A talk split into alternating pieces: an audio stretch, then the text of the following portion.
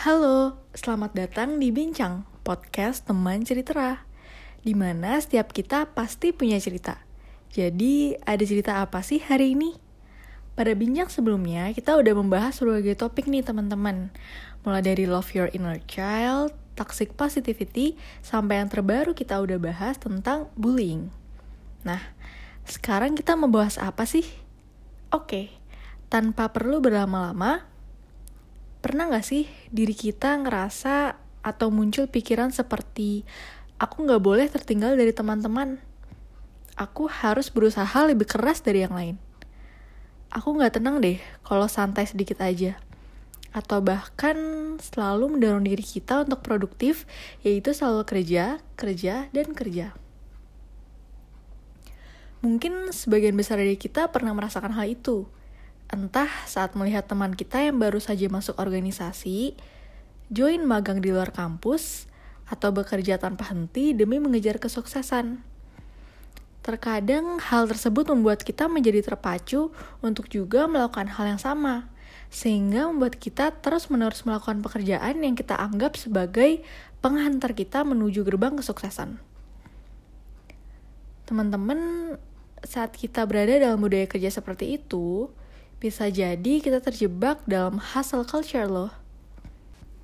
Hustle culture merupakan sebuah gaya hidup di mana seseorang merasa bahwa dirinya harus terus bekerja keras dan hanya meluangkan sedikit waktu untuk beristirahat.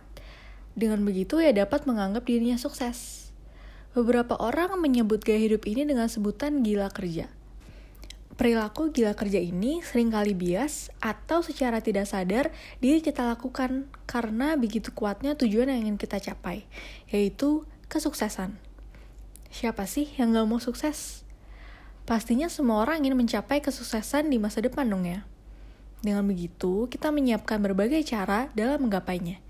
Dimulai dari belajar, mengembangkan hard skill dan soft skill, bahkan gak jarang dari kita yang rela untuk mengorbankan waktu istirahat kita untuk tetap melakukan sesuatu yang kita nilai sebagai kegiatan produktif.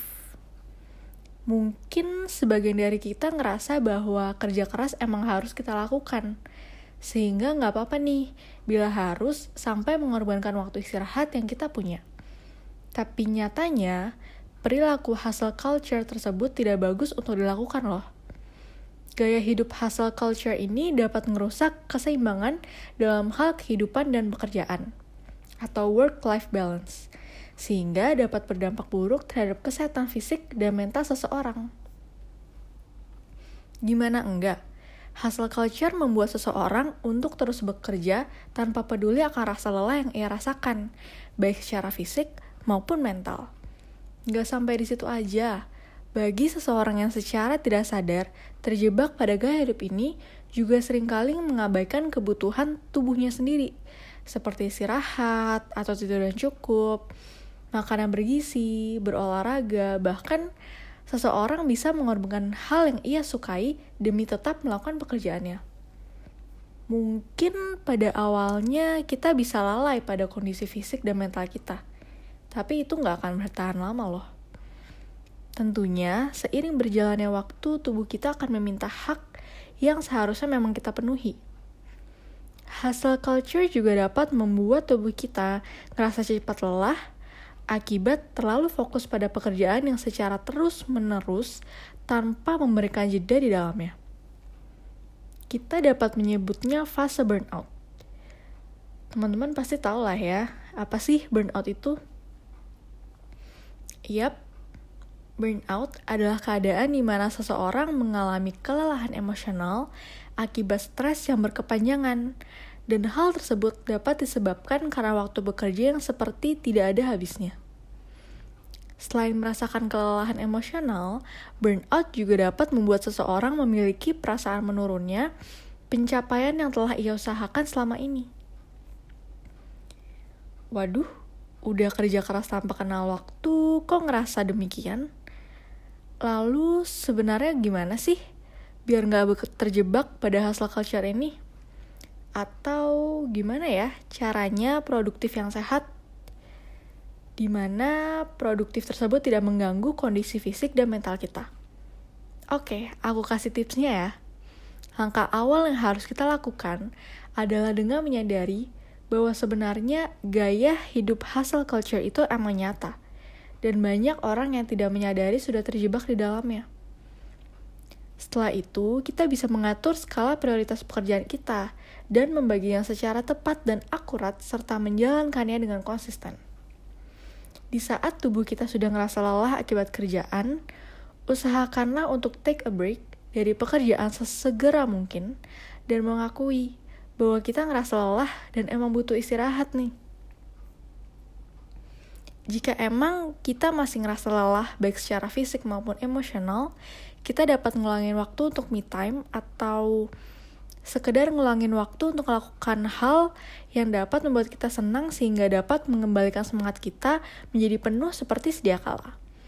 Mungkin bisa dengan cara quality time bersama orang sekitar, bermain di taman, berolahraga bersama teman-teman, atau hanya dengan memakan makanan yang kita sukain. Kita juga bisa melakukan self-reward untuk memotivasi atau mengapresiasi diri atas semua kerja keras yang telah kita lakukan selama ini. Semoga cara-cara yang udah aku sebutin tadi dapat ngebantu kita ya untuk lebih aware dan tidak terjebak dalam gaya hidup hustle culture. Sehingga kita juga bisa nih tetap menerapkan work-life balance yang mana kita ngusahain adanya keseimbangan antara urusan pekerjaan dengan urusan di luar pekerjaan. Nah, setelah mengetahui tentang hustle culture, aku harap kita semua bisa lebih peka ya terhadap kapasitas diri kita dalam bekerja dan tidak memaksakan diri kita begitu keras untuk meraih masa depan yang cemerlang. Berhenti juga untuk membandingkan progresmu dengan orang lain di luar sana. Kenapa harus ngerasa tertinggal dengan yang lain? Padahal setiap orang punya destinasi yang berbeda.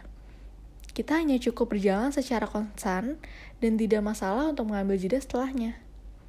Pada intinya, menyiapkan dan mengembangkan diri untuk masa depan yang lebih baik gak harus buat dirimu terjebak pada gaya hidup hustle culture.